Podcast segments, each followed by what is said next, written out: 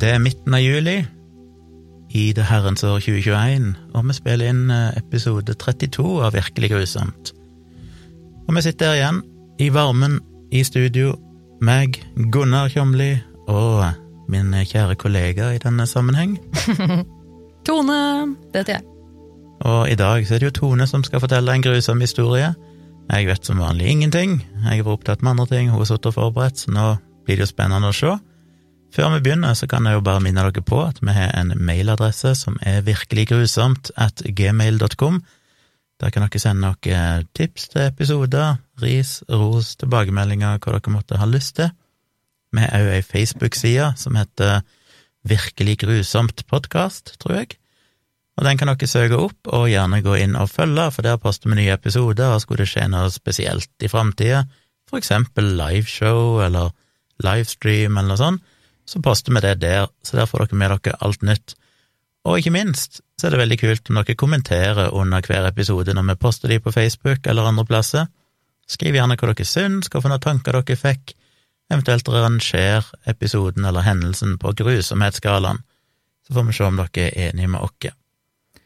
Det var vel alle formaliteter, tror jeg, og da eh, gir jeg ordet til deg, Tone, så skal jeg bare sette meg tilbake og høre deg fortelle Og nyte kaffen din.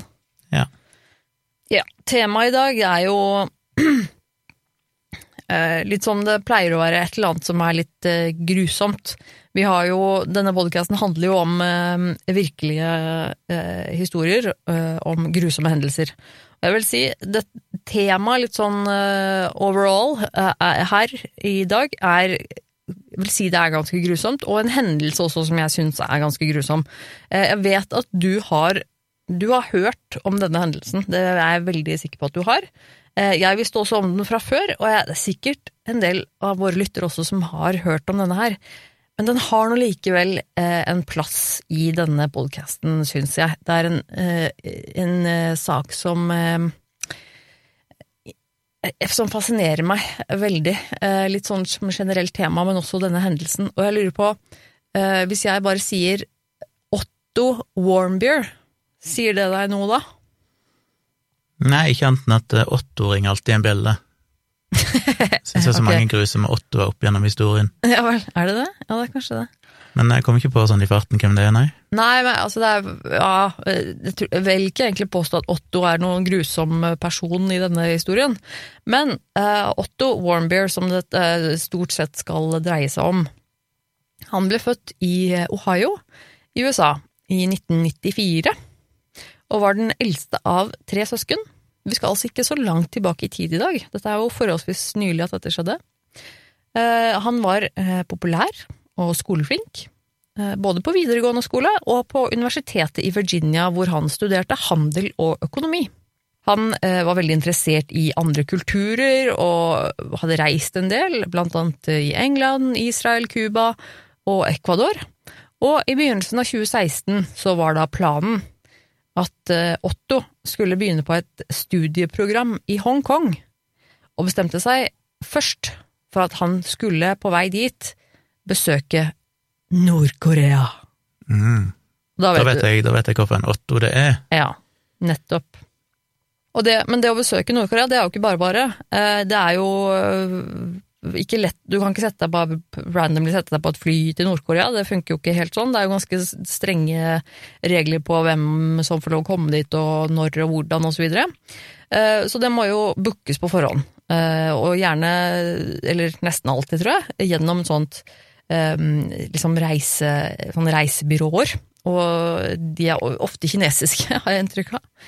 Og Otto han booket denne turen her gjennom et kinesisk eh, lavbudsjettsreiseselskap som het Young Pioneer Tours. Som for øvrig også hadde slagordet Destinations your mother would rather you stayed away from. Mm, det er jo catchy. ja, det er catchy. Det tiltrekker seg rette type folk. Og, eh, men ifølge Ottos far da, så hadde jo dette selskapet her, de hadde reklamert med å være trygt for borgere av eh, USA, og Otto han var nysgjerrig på kulturen deres, og han gledet seg veldig til å hilse på det nordkoreanske folket. Lite visste han hva han hadde i vente, for å si det sånn. Men Otto han reiste da den 29. desember i 2015 til Nord-Korea via Beijing, Og da sammen med ti andre amerikanske borgere, som var da i en og samme turgruppe. Og planen eh, var da at de skulle ha en femdagers eh, nyttårstur. Og gruppa de feiret nyttår i Pyongyang, som er da hovedstaden i eh, Nord-Korea.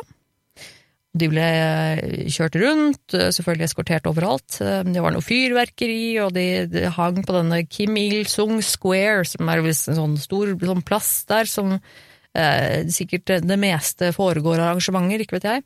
Og så etter hvert så endte de opp tilbake på hotellet der de bodde, som heter Yangakdo International Hotel, hvor de fortsatte å drikke alkohol og feste. De er jo veldig flinke til å drikke alkohol i Nord-Korea.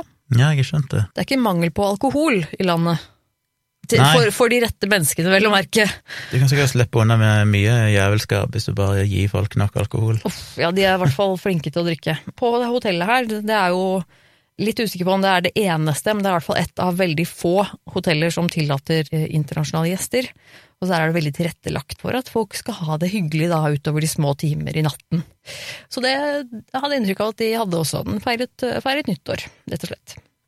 Og eh, litt sånn før, før vi går videre i selve Ottos historie, så skal jeg bare ta noen, noen få ting om Nord-Korea. Jeg tror de fleste vet litt om Nord-Korea, i hvert fall liksom basics. Men Nord-Korea er jo et, et ganske, ganske grusomt sted å bo, vil jeg tro. Og eh, bare sånn veldig kort, etter andre verdenskrig så ble Korea delt opp i to stater. For den eh, nordlige delen var okkupert av Sovjetunionen, og den sørlige delen av USA. Og de kom selvfølgelig ikke til enighet om hvem som skulle få Korea, så da ble det delt i to. Og det er jo denne Kim-familien da, som, eh, som, har regjert i Nord-Korea siden, siden, da. Og jeg tror vi alle kan være ganske enige om at den Kim-klanen er klin gærne. Men eh, selv så sier Korea, nei, Nord-Korea de sier selv at, at, de er et sosialistisk eh, stat med demokratiske valg. Og eh, alt her er flott og, og, rent og ryddig, og det vet vi jo alle at det er ren bullshit. Det finnes nesten ikke et land i verden som er et mer totalitært diktatur enn det Nord-Korea er, tror jeg. Det er i hvert fall ikke så mange av de. Kina er bedre, men det er jo mye fellestrekk. Og ja. felles for de begge er at de har ordet 'demokratisk' i navnet på landet, som jo er et rødt flagg. Ja, eh, når du, når du må liksom konstatere i navnet at dette er et demokratisk stat, så er du på ville veier, føler jeg. Og når du kan si at liksom Kina er bedre, da vet du at da, da er du på vei ut. Og denne, det er jo denne kultfamilien, eller kultfamilien, den Kim-familien Kim som, eh, som, driver det, som sagt. Og det er jo det er nærmest som en kult, eh, denne, hvordan det drives, dette her. Det er jo ja-mennesker, bare, rundt eh, alle som bestemmer noe som helst, og alt er veldig hemmelig. Og alle skal veldig hylle disse lederne. Det er, det er helt forferdelig. Veldig høy fokus på militærmakt og kjernekraftvåpen i, i Nord-Korea. Og overhodet ingen fokus på menneskerettigheter. Som jo vi andre i Vesten kanskje syns er litt viktig, da. Så de egne borgere, og egne borgere får, får ikke liksom de, de, de, tingene som vi syns er ganske sånn basis, eh, som strøm for eksempel, det har de ikke hele døgnet. De lever stort sett i sult og fattigdom i Nord-Korea. Og det er jo ikke akkurat så veldig mye å skryte av, vil jeg si, da. Nei, det er ganske drøyt at det er et såpass på en måte teknologisk moderne land. Det er jo ikke et uh, u-land i den forstand. Mm. Allikevel er det liksom et land som har hatt opptil flere sultkatastrofer, der en stor del av befolkningen rett og slett dør av sult. Ja, de ganske... bruker jo alle sine ressurser og penger på å utvikle våpen, mm. og det er omtrent. Og militære og våpen er jo det eneste de bryr seg om. Det er jo ganske trist. Det er viktigere å bygge et nytt palass og noen statuer til lederen eller noe før Ja. Nei, fy fader. Og eh, litt sånn andre ting. Eh, innbyggerne i Nord-Korea de har som regel ikke råd til en ordentlig jeans. Men hvis de har råd til det, så er det ikke lov til å ha blå jeans. Det er strengt forbudt. Den var svart. Eh, det er ikke lov å tro på Gud. Selv om de jo påstår at jo da, her er det religionsfrihet, her kan man tro på hva man vil. Men sånn i praksis Ja, fri på akkurat det du vil, så lenge det er den ene tingen med seg det skal være. Ja, Og sånn i praksis så ville jeg ikke prøvd meg på det, eh, for det er flere tilfeller hvor mennesker er blitt eh, fengslet eller henrettet for å for eksempel distribuere bibler. Så det å, det å Mm. ha en bibel, det er strengt forbudt. Ja, men det er jo ganske likt som i Kina, sånn er det jo der òg. Og hvis du skal til frisøren i eh, Nord-Korea, enten om du er mann eller kvinne, så har du da en av 28 forskjellige hårfrisyrer du får lov til å velge i, som er godkjent av regjeringen. Det vil jeg si er altfor mye å velge mellom. Ja, Ikke sant? Du får hele 28 stykker, det er jo mer enn nok. Ja, Valgets kvale. Ja. Så mye lettere liv er hvis du bare kan redusere det til fem. ja. Og det må vel merke den eh, flotte frisyren til Kim Jong-un, som vi nå sikkert alle har merket oss på et tidspunkt, den er strengt forbudt. Strengt forbudt for alle andre enn han å ha. For den skal selvfølgelig være unik for lederen. Men det er visse eh, sånne sære regler som også gjelder hvis du er turist i landet, må, må vite. Så det å ta et slags kurs før du reiser dit, hvis du absolutt må det, det er nok ganske lurt. Og så må du vite at med en gang du lander i Nord-Korea, så er du basically eh, altså eh, off radar. Du, får ikke lov til å ringe, kommunisere ut av landet. Du får visstnok beholde telefonen din. Det, det er flere som sier det nå, at de, liksom, du, de tar ikke fra deg telefonen, men hvis du skal ringe, så må du bruke altså Du får sånn, hva heter det, sånn um, lokalt SIM-kort, og det går ikke an å ringe til utlandet med. Du får ikke lov å prate med lokale mennesker, det er strengt forbudt. Så ikke, når, du, når du går rundt og blir vist rundt, så er det selvfølgelig noen mennesker her og der, men de får du ikke lov å prate med. Det hender jo likevel at det skjer, men det er jo De har jo fått Alle som bor der, vet jo hva som er strengt forbudt å si, og hva de skal si. Og hvis de faktisk tør å prate med deg, så er det nok eh, veldig lite de sier, og mest sannsynlig så bare løper de vekk, fordi de kan i noen eh, situasjoner også ha konsekvenser for den lokale borger å snakke med deg som turist. For det skal de jo ikke gjøre. Så altså, det er jo helt, helt, eh, helt sinnssykt. Og til og Så med skjønner jeg ikke helt appellen med å ville reise til Nord-Korea i det hele tatt, for du får jo ikke sett Nord-Korea. Nei, du får jo sett en en veldig kuratert eh, Nord-Korea. Du får se akkurat det de vil at du skal se. Jeg hadde heller ikke likt å reise sånn plass. Jeg mener én ting er at ja da, du skal tilpasse deg, respektere lokale skikker og lover der du reiser, men det er jo liksom enkelte land, inklusiv Nord-Korea, der du kan bare ved å gjøre en feil risikere å eh, få ødelagt livet ditt, bli satt i fengsel et eller annet. Ja. Sånn som at eh, hvis du har en avis, og det er bilde av lederen, den store lederen på, og du finner på å kaste avisen, eller Ja, det må du ikke avisen, finne på. eller brette avisen Ja, nei, midt på et bilde av lederen, Aldri. så er det nok til at det, ting kan skje. Og det er sånn, du kan være klar over det, men du kan fort gjøre det ved en feiltagelse allikevel. Ja. Det er fort gjort å glemme seg vekk. Og et sånt land vil jeg ikke reise til, der jeg vet at bare en sånn tabbe kan basically koste deg livet, omtrent. Ja, og det at eh, alle må ære disse lederne, da, og turister også. Eh, Så det vil jo si at du som turist der, du må da minst én gang i løpet av turen liksom ha med en sånn blomsterbukett og bukke og liksom foran de der statuene av lederne. Gedigen, svære, arrogante statuer som, statuer som står i, i byen der. Som du må da gå bort og liksom å, hei, hei, og legge blomster og bukke og er lederne som er så flotte og fine. og hvis du på noe som helst vis da viser noen form for vanære overfor disse lederne, så kan det ha noen kjipe konsekvenser, for å si det sånn. Du får aldri lov å gå fra gruppa di heller. Så det må, og det må du ikke finne på å gjøre, for da, det kan ha konsekvenser. Og du får ikke lov heller til å ta bilder av hva du vil. Så, så de vil gjerne, når du er på disse ut, utfluktene, holdt jeg på å si, disse, øh, disse turene rundt omkring, disse guidede turene, så eh, vil de ofte gi beskjed da, om hva du får lov til å ta bilde av og ikke. Det er ikke på noe som helst tidspunkt lov til å ta bilde av noe som har med militæret å gjøre, enten om det er militærpersonell eller utstyr eller bygninger eller et eller annet sånt noe. Det er ikke lov. Heller ikke lov til å ta bilde av liksom landsbyen. Altså liksom typ ekte Nord-Korea. Får du ikke lov til å ta bilde av hvis du er på vei fra en by til en annen, for eksempel. Strengt forbudt å ta bilde av liksom eh, det du ser ut av, eh, av vinduet. Også sånn veldig strenge på det med hvis du tar bilder av Du kan ta bilder av statuene, for eksempel. Da. Det er jo disse svære, fine statuene som du finner overalt av disse lederne. Og bilder av dem også henger overalt. Og har, du har lov til å ta bilde av bildene og bilder av statuene. Men det er også litt sånn veldig strengt at hvis du tar bilde av dem, så må du passe på at hele figuren er med i bildet.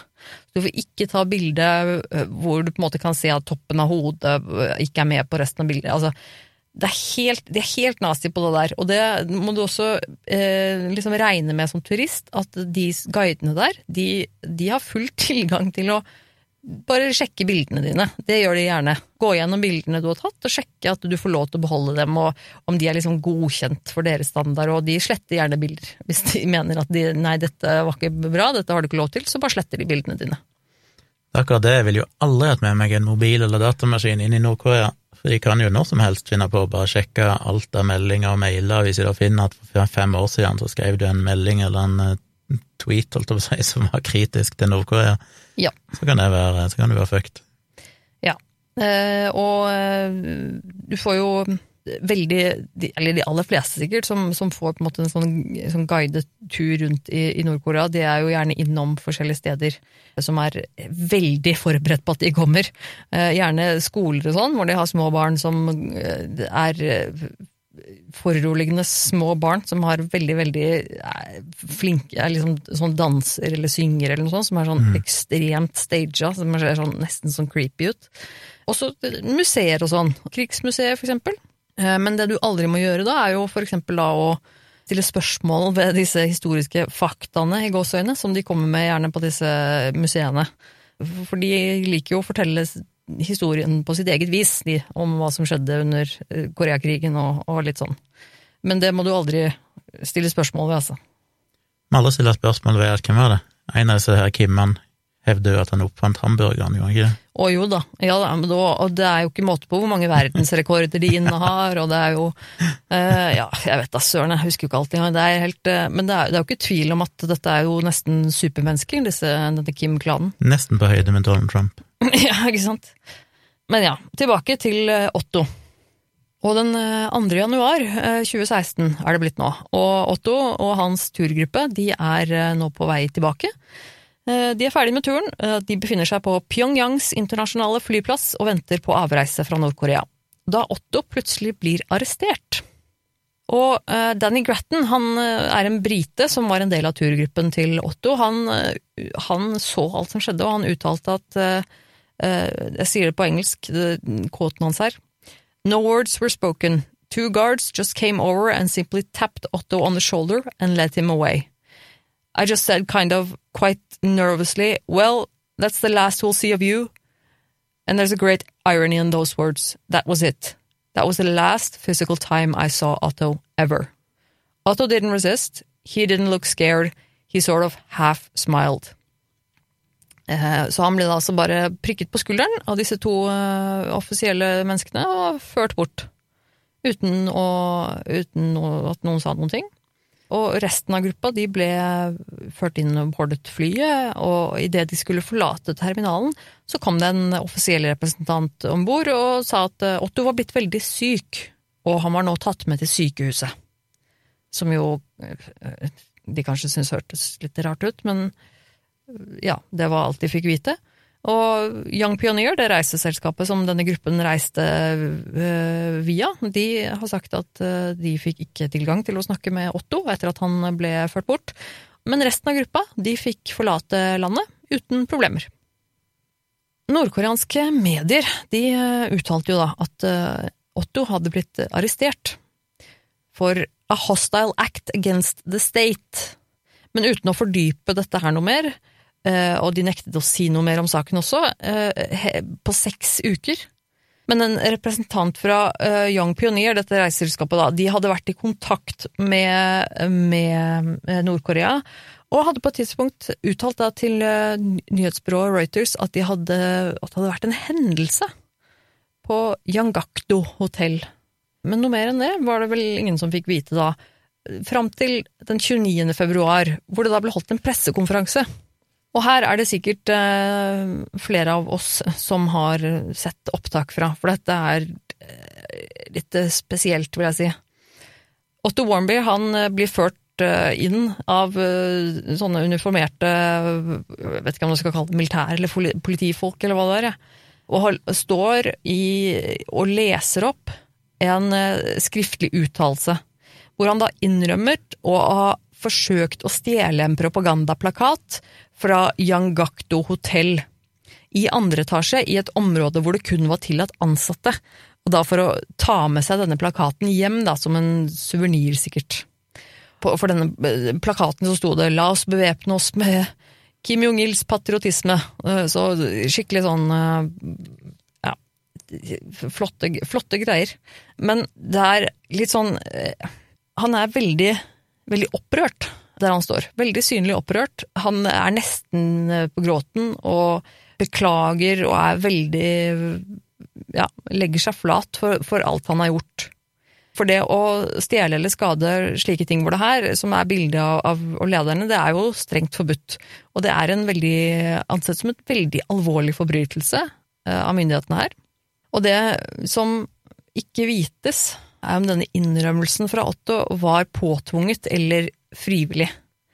Og mange tenker jo at han, at han, han virket veldig pressa og, og veldig stresset, og trygler og ber, og så folk tenker jo at dette kanskje At det virket litt uh, Hva heter det? Altså staged. Uh, Iscenesatt. Iscenesatt. Og det var veldig Han leste jo opp dette her når det var en skriftlig uttalelse som, som, var skrevet på forhånd. Og i tillegg så finnes det jo andre som, som tidligere har blitt arrestert i Nord-Korea, som har sagt at de også på lignende vis da ble tvunget til å gjennomføre en slik offentlig innrømmelse og beklagelse, som da var iscenesatt på samme måten, eventuelt. Og i uttalelsen så sa han også, Otto også, at han planla å stjele den plakaten, og det var på forespørsel fra metodistkirken i hjembyen, samt Z Society, som da var et hemmelig samfunn på universitetet hans, som han da ønsket å innlemmes i, da, og han påsto at disse var allierte av CIA. Så at han da hadde da altså fått på oppdrag av USA da, å stjele dette her eh, i Nord-Korea. Så han beklaget da på, på sitt ytterste at dette var den største feilen han hadde gjort i hele sitt liv. Kirken, denne metodistkirken i, og Sea Society, de nektet jo selvfølgelig for dette her. Eh, og det var vel ikke heller så mange andre som trodde på det, og New York Times skrev at dette var så usannsynlig at de trodde hele uttalelsen var diktet opp av nordkoreanerne som forhørte ham. Også fordi Otto faktisk var av jødisk opphav, for moren hans var jøde. Så virka jo det ganske usannsynlig at han skulle ha vært medlem i en metodistkirke, men de fikk beskjed om å ikke Altså, hold munnen om det her, ikke si noe om dette til Nord-Korea, for da blir de bare sintere. Og da, 16. mars i 2016, ble Otto Warmbier tiltalt og dømt i Nord-Koreas høyesterett. Han ble dømt for, litt usikker på hva vi hadde kalt det her i Norge, um, undergravning. Uh, altså, han ble dømt for um, subversiveness, forbrytelse i henhold til den amerikanske regjeringens fiendtlige politikk overfor Nord-Korea, i et forsøk på å svekke folkets enhet og samhold etter å ha kommet inn som turist, var det de uttalte da. Jeg føler Nord-Korea er det sånn De overanstrenger seg så for å prøve å lage en sak at de gjør det så utrolig mistenkelig. Ja. Altså, det, det er så over the top. Det er så fascinerende bare hele tanken på å tenke i hvilket, hvilket annet land kunne en sak gått til Høyesterett fordi du stjal en plakat. Jeg, jeg syns det er liksom fascinerende å tenke på, som jeg lurer på Jeg lurer på hvor Altså, tror de at vi tror på det? Ja, for jeg mener én ting er altså straffe han og bare være ærlig på det, ok, du gjorde en ulovlig handling, du stjal en plakat på et Ja. område du ikke hadde tilgang til, det har konsekvenser, Ja. men liksom å ta det så over det topp som at dette var iscenesatt av amerikanske Nei, helt, myndigheter eh, fordi de alltid har vært så slemme med Nord-Korea, og Ja. skal vi statuere et eksempel. Ja, Det det, er jo sånn, eh, noe politikk inne i bildet her, er det jo mange som vil påstå. Det er litt som å si at du er demokratisk i navnet på landet. Det blir sånn Mhm. eh, overkompensere for alt du egentlig Alle problemene. Ja. Jeg, mange ganger har jeg tenkt liksom, men er de så dumme at de tror at vi som er utafor, tror på dette, liksom? Eller skjønner de selv at det bare er absurd, men at de bare Altså, ja, det er merkelig. Men um, uansett, bevisene da, som ble ført um, i uh, rettssaken her uh, mot Otto, det var øh, hans egen innrømmelse, det var en overvåkningsvideo øh, fra hotellet, fingeravtrykk og vitneutsagn.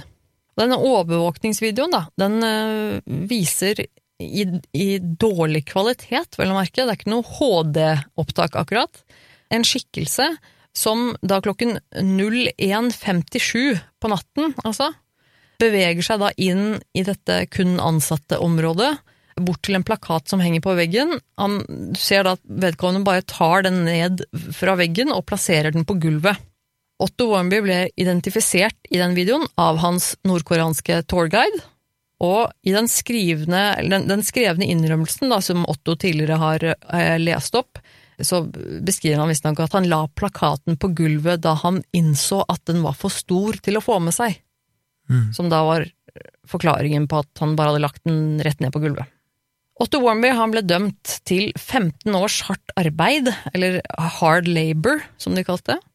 Og USA uttalte jo at det for dem var helt tydelig at eh, Nord-Korea arresterte den, en amerikaner av politiske årsaker, og at dette her helt klart var noe de hadde iscenesatt, men det nektet jo de for, selvfølgelig. Og i denne tiden etterpå så jobbet eh, foreldrene til Otto hardt eh, og gjorde alt de kunne i samarbeid med amerikanske myndigheter for å prøve å få Otto løslatt og få han hjem igjen til Amerika. I et møte i begynnelsen av juni i 2017 så påsto eh, nordkoreanske myndigheter at Otto Warmbier hadde pådratt seg botulisme via noe han hadde spist, visstnok et sånt et måltid med noe svinekjøtt, og at han havnet i koma etter å ha tatt en sovepille. Og dette da skulle ha skjedd like etter at han ble dømt og fengslet. Og etter mye fram og tilbake, så gikk de til slutt med på å løslate Otto til amerikanske myndigheter, og etter totalt 17 måneder i fengsel, så ble Otto endelig hentet hjem til USA. Og han ble jo da hentet med fly, og det var leger på flyet som, som hadde, hadde han med seg, for han var jo fortsatt på sykehus. Han lå fortsatt i koma, eller det de, det de kalte det. Da han kom hjem da, til USA, så ble han jo innlagt på sykehus øyeblikkelig. Legene hans ved sykehuset i Cincinnati de uttalte at Otto var i våken tilstand, men ute av stand til å gi noe respons, altså det vi kjenner som vegetativ tilstand. Han kunne puste selv og blunke, men ellers så viste han ingen evne til å forstå sine omgivelser overhodet. Han var liksom våken, men han, han var helt altså vegetativ i den forstand at han, han, skjønte ikke hva som skjedde rundt seg. Det var tydelig at han De forklarte at han, han, han kunne høre ting og reagere på liksom lyder og sånn, men på, ikke på noen sånn rasjonell måte. Ikke på noen måte som tilsa at han forsto noen ting. Han kunne ikke snakke, så han var helt ute av stand til å kommunisere. Journalene fra, fra Nord-Korea de ble jo sendt med Otto tilsa at han hadde eh, ligget eh, slik siden april 2016, og på de MRI-bildene av hjernen de hadde tatt, så kunne man se store skader.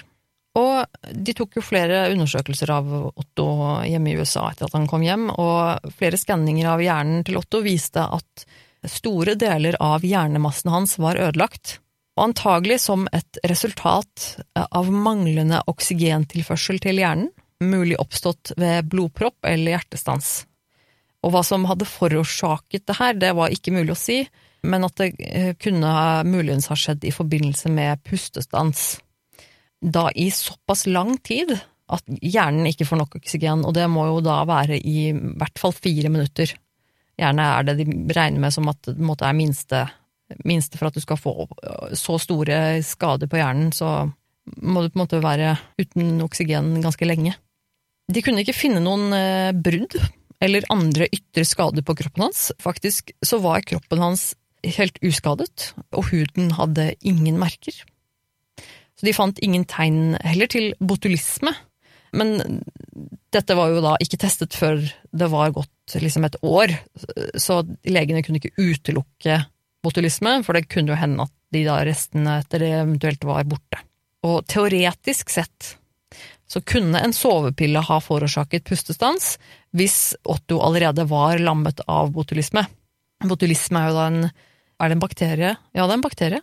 Sykdom som gjør at man får nervelammelser. Men det er fullt mulig å overleve det og få motgift, og man kan dø av det, men da er det gått såpass langt og, og lenge at da eventuelt pustemuskler og sånn blir lammet, at du rett og slett ikke får puste og sånn. Og en teori eh, var jo at eh, Otto hadde prøvd å forsøke, forsøkt å begå selvmord, og, og, ikke klart det på et, annet, på et, eller annet, vis, da. At det var det som var grunnen til at han hadde havnet i den situasjonen. Men en amerikansk-koreansk businessmann som hadde sittet inne samtidig, altså i Nord-Korea, da, eh, samtidig med Otto, sier at han skal ha sett Otto nærmest i svime, eh, bli dratt bortover gulvet i en korridor, og da med, med søkkvått hode og ansikt. Og han mente da at Otto muligens hadde blitt utsatt for vanntortur under forhør, og at han selv også hadde blitt utsatt for det i eh, nordkoreansk fengsel. De er jo kjent for å ikke akkurat behandle fangene sine så veldig godt i Nord-Korea. Så akkurat hvordan eller hva som hadde forårsaket disse skadene, eh, eller den oksygenmangelen da, som hadde gjort at han fikk disse skadene på hjernen, det er ikke mulig å si. Og Otto han døde på sykehuset den 19. juni, og da etter at hans foreldre ønsket at eh, apparatene som holdt han i live, skulle skrus av. De ga rett og slett opp, og det var jo heller ikke mulig å, å redde Otto. Så han ble 22 år gammel. Familien ønsket ikke noen obduksjon, så han ble ikke obdusert. Det var kun en sånn ekstern undersøkelse av Otto som ble gjort da etter at han døde. Jeg tenker at det kanskje egentlig er litt synd, men jeg vet ikke om det er noe sånn at hvis de hadde fått gjort en obduksjon, så kanskje de kunne funnet ut noe mer, men det er ikke sikkert, jeg vet ikke. Men jeg tenkte jo liksom at ikke det, hadde ikke det vært lurt, da, å gjøre en obduksjon, på en måte, men de ville visst ikke Nei, det. er vanskelig å si. Det føles jo som at det har gått så lang tid, og det er kanskje ikke så mye å hente. Altså, litt sånn hvis de hadde funnet ut at det var Hvis de hadde funnet en årsak, hadde det hjulpet så mye? Ja, nei, jeg vet ikke. Men det er, det er jo Nord-Korea, de, de uttalte i etterkant at det var Nord-Korea som var offeret i denne saken, og at det hele hadde vært en del av en svertekampanje mot Nord-Korea, og at de hadde behandlet Otto Warmbier på en humanitær måte, selv om de ikke hadde trengt å gjøre det, siden han var jo tross alt en kriminell fra et fiendeland. Som da ikke var en veldig populær uttalelse, selvfølgelig, for uh, Amerika. Amerikanske statsborgere faktisk siden, uh, siden det uh, blitt bannet av å besøke Nord-Korea kjekt å merke seg. og det er mye forskjellige meninger om hva som egentlig skjedde, fordi at man vet jo ikke sikkert Altså, noen mener jo at han, at han ble lurt, at dette her, hele greia var iscenesatt. Uh, at det ikke var Otto som uh, var på, på, disse opptakene, og, og, at han ikke hadde gjort noen ting, og, men at de så på dette her som en god mulighet for å for å ha en politisk fange, da. At de kunne ta han i arrest, og, og at det var politisk eh, strategi. Men noen mente jo at det var han som gjorde det, og at eh, han faktisk bare dreit seg ut og gjorde noe han ikke skulle gjort, og, og ble straffet på den måten de i Nord-Korea mener at det er riktig straff. Og han fikk også masse kritikk for å ha dratt til Nord-Korea i det hele tatt. Visstnok så var det veldig sånn eh, at amerikanere ble frarådet å reise til Nord-Korea. Så det er jo også en, selvfølgelig eh, en ting man burde ta hensyn til, kanskje på et tidspunkt. At er, ok, er det så lurt å reise? Det er jo selvfølgelig altså gjort er gjort. Og det er jo uansett ingen som uh, fortjener en sånn behandling, tenker jeg. Men, men, det er også noe med det at det er ingen som kan Altså, det finnes ingen beviser for at uh, det var Nord-Korea som uh, på en måte forårsaket at han døde. De kan ikke bevise at det var de som gjorde noe konkret mot han. De kan ikke bevise tor tortur. De kan ikke bevise Altså, de vet jo at det skjedde noe mens han var i Nord-Korea som gjorde at han fikk disse skadene på hjernen. Eh, men utover det så kan de jo på en måte ikke bevise noen ting. Og man vet som sagt heller ikke da sikkert om det faktisk var sånn at han gjorde det her, eller om det hele var iscenesatt. Det blir jo på en måte spekulasjoner, for det er jo, det er jo basically ord mot ord. Man kan jo ikke nødvendigvis stole på det Nord-Korea sier, og det og, Ja, nei, så det er, det er, litt sånn Det er litt sånn tricky. Det er ikke usannsynlig, kanskje, at han faktisk stjal den plakaten? Eller nei, prøvde å altså, stjele den? Og det er jo i så fall en fantastisk idiotisk ting å gjøre. Mm.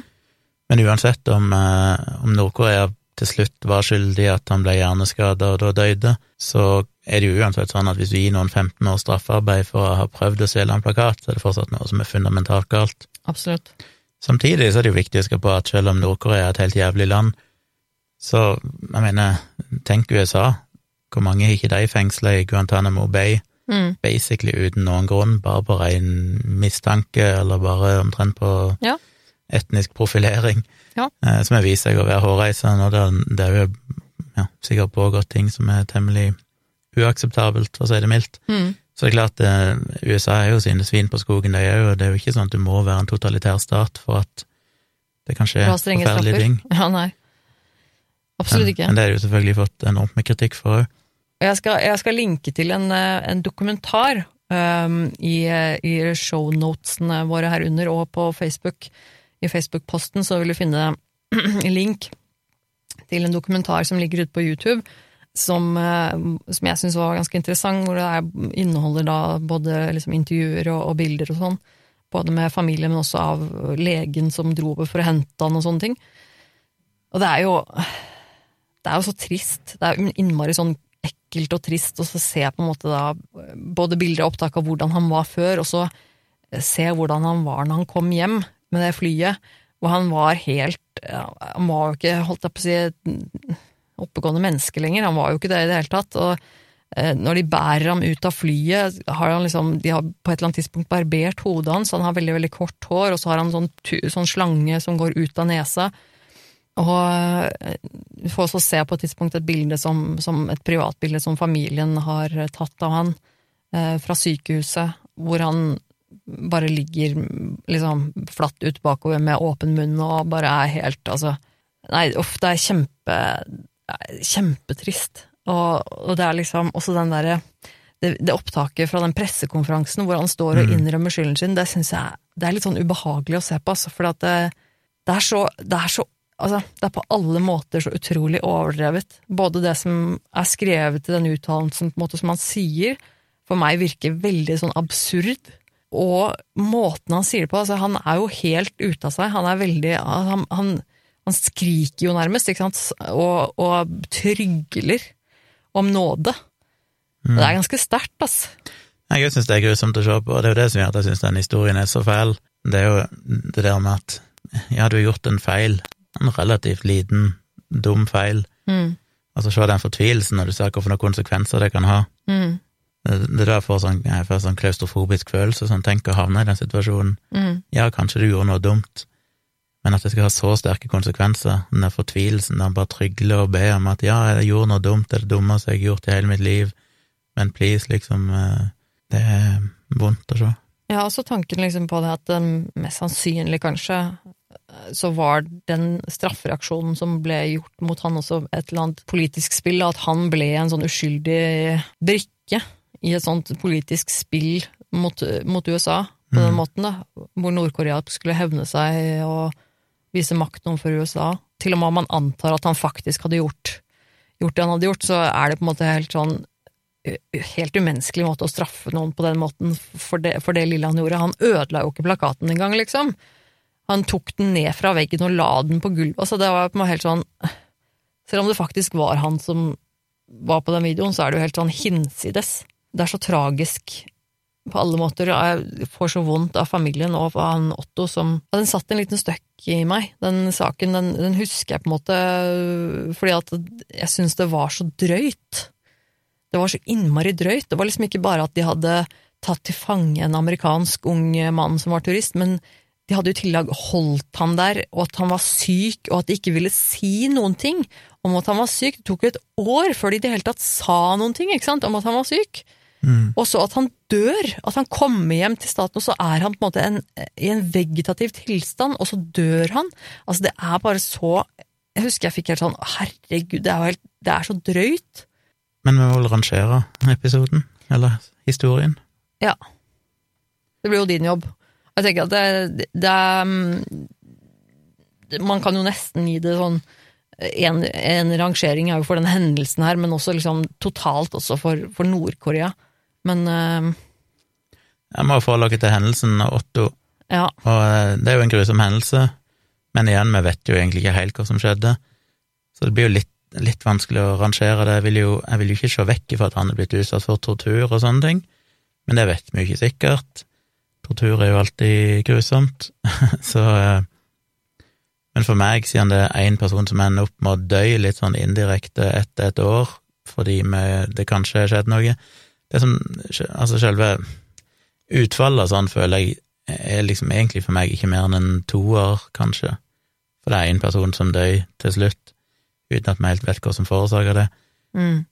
Det som trekker opp et poeng, er jo bare den generelle eh, klaustrofobiske følelsen jeg får av risikoen for å havne i en sånn situasjon, den der håpløsheten og frustrasjonen det må være Mm. å ha gjort en sånn dum ting, kanskje, sannsynligvis òg i fylla, Ja. og så har det så enorme konsekvenser, og du er totalt fanga. Det er liksom Det er ikke noe eh, Det er ikke noe nåde. Det er ikke noe sånn appell til rasjonalitet eller appell til rettferdighet. Det er bare sånn Nå er du fucked, Mm. og du får ikke gjort noen ting. Og det er ingen som kan hjelpe deg. Altså, det er ikke noe ambassade i dette landet som kan eh, stille opp for deg. Det er ikke noe Nei. Det er liksom Det er det som er, altså, jeg, jeg vil jo ikke reise til de landene, Saudi-Arabia og andre land som har lover der du gjør et eller annet feil. Jeg mener, hva var det et par som hadde sex på stranden i Saudi-Arabia, og sånn, og så havner de i fengsel, og hva får du gjort? Du er liksom fucked. ja. Eh, så styr unna, Var det ikke norske norske jenta som ble voldtatt i Dubai eller et eller annet sånt, og så ble hun satt i fengsel? Hvis du blir voldtatt, så, så er det din egen skyld, fordi at da, da er det du som blir straffet fordi du har eh, begått eh, utroskap eller eh, sex utenfor ekteskapet. Ikke Ja, så ser jeg ikke helt poenget med å støtte sånne land med turisme heller. Nei, det, det, er det, det er det jeg også tenker, og jeg synes jo at jeg, skjønner jo hvorfor noen har på en måte lyst til å reise dit for, å, for å se dette her. For å oppleve det, eller for å liksom Men da tenker jeg at da Det eneste på en måte som faktisk kan forsvare det sånn ordentlig, tenker jeg er hvis du er Hvis det er faglig, hvis du ja, hvis det er faglig eller... på et eller annet vis, eller hvis du er en spion. eller eller eh, som apropos denne eh, dokumentaren som jeg viste deg, eh, som jeg anbefaler alle å se som ikke har sett den. Brennpunkt lagde var det i fjor. Lagde en, en Var med på å lage en, eller legge ut i hvert fall, en, en dokumentar. Dansk eh, muldvarp. Den heter Muldvarpen på NRK. Han eh, dansken som eh, infiltrerte Nord-Korea ved å late som han var en sympatisør. Det var utrolig interessant. Så jeg tror jeg gir det tre på grusomhetsskalaen. Ja, for denne hendelsen. Hvis Ja. du skulle rangert Nord-Korea Nord, nord, Rangere Nord-Korea på skalaen, da må det i hvert fall bli mer enn tre, tenker jeg. Ja, altså skal du rangere alle land fra én til ti, så havner jo Nord-Korea på ti. Av Ja. grusomhet. Du, jeg kan ikke tenke meg at det kan bli så mye verre i et land enn Nei, Nord-Korea, det er faen meg jævlig, ass. men uh, det blir jo litt annerledes. Ja, nei, men, eh, men eh, jeg håper i hvert fall dere som hørte på, syns at dette var interessant. Og hvis du ikke visste så mye om Nord-Korea, så vet du kanskje litt mer nå. Ikke dra dit, sier jeg. Eh, Jeg tenker at de, de pengene det koster å reise dit, de er penger som de ikke fortjener, fordi de livnærer seg også i stor grad på turisme. Så det var dagens episode. Vi er tilbake igjen eh, om ei uke med en ny episode. Da er det min tur. I mellomtida, send dere mail på virkeliggrusomt.gmail.com. Gå inn og følg dere på Facebook. Og eh, veldig kult om dere gir en eh, tilbakemelding og kommentar og rangering på Facebook-posten når den dukker opp i løpet av mandagen en gang. Så vil vi ja, takke alle som har hørt på, igjen, for at dere følger oss og hører på. Det setter vi stor pris på. Så Mm. håper vi at du følger med igjen med en ny episode om en uke. Ha det bra! Ha det.